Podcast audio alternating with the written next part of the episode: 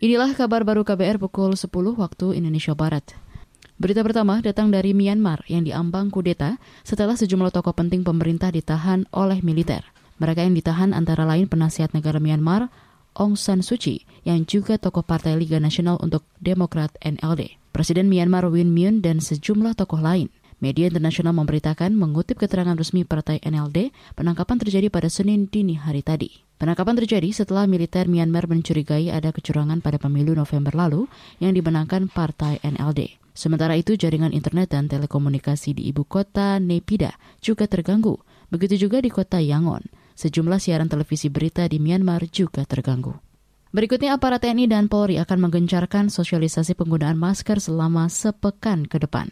Panglima TNI Hadi Cahyanto mengatakan, masyarakat tidak boleh kendor dalam mengenakan masker, terutama saat berada di luar rumah karena memang banyak sekali kegiatan-kegiatan penugasan maupun kerjasama dalam hal pemeliharaan Kamtipmas yang selama ini telah kita laksanakan termasuk tentunya menghadapi masalah-masalah yang saat ini sedang kita hadapi di mana TNI, Polri berada di garis depan terkait dengan penegakan aturan protokol kesehatan. Kemudian beberapa kegiatan seperti di Poso, di Papua, kegiatan-kegiatan yang terkait dengan masalah penanganan bencana alam, Panglima TNI Hadi Cahyanto menambahkan, TNI bersama Polri akan meningkatkan koordinasi dengan petugas Satpam di berbagai fasilitas publik untuk menegakkan aturan penggunaan masker. Masa pemberlakuan pembatasan kegiatan masyarakat atau PPKM akan berakhir 8 Februari mendatang. Sebelumnya, PPKM sudah berlangsung tiga pekan. Kita beralih ke berita selanjutnya.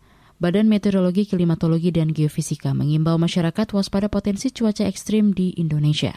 Deputi Bidang Meteorologi BMKG Guswanto mengatakan, cuaca ekstrim menyebabkan potensi terjadinya sejumlah bencana yang harus diwaspadai.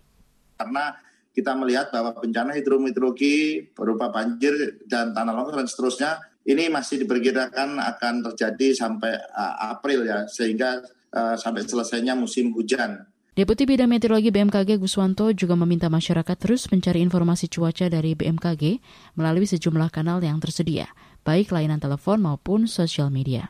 Ia juga mengimbau masyarakat agar lebih mengenali potensi bencana di lingkungan tempat tinggal masing-masing. Sebab dengan memahami cuaca dan lingkungan tempat tinggal dapat mengurangi dampak bencana yang mungkin datang sewaktu-waktu. Demikian kabar baru KBR, saya Naomi Liandra.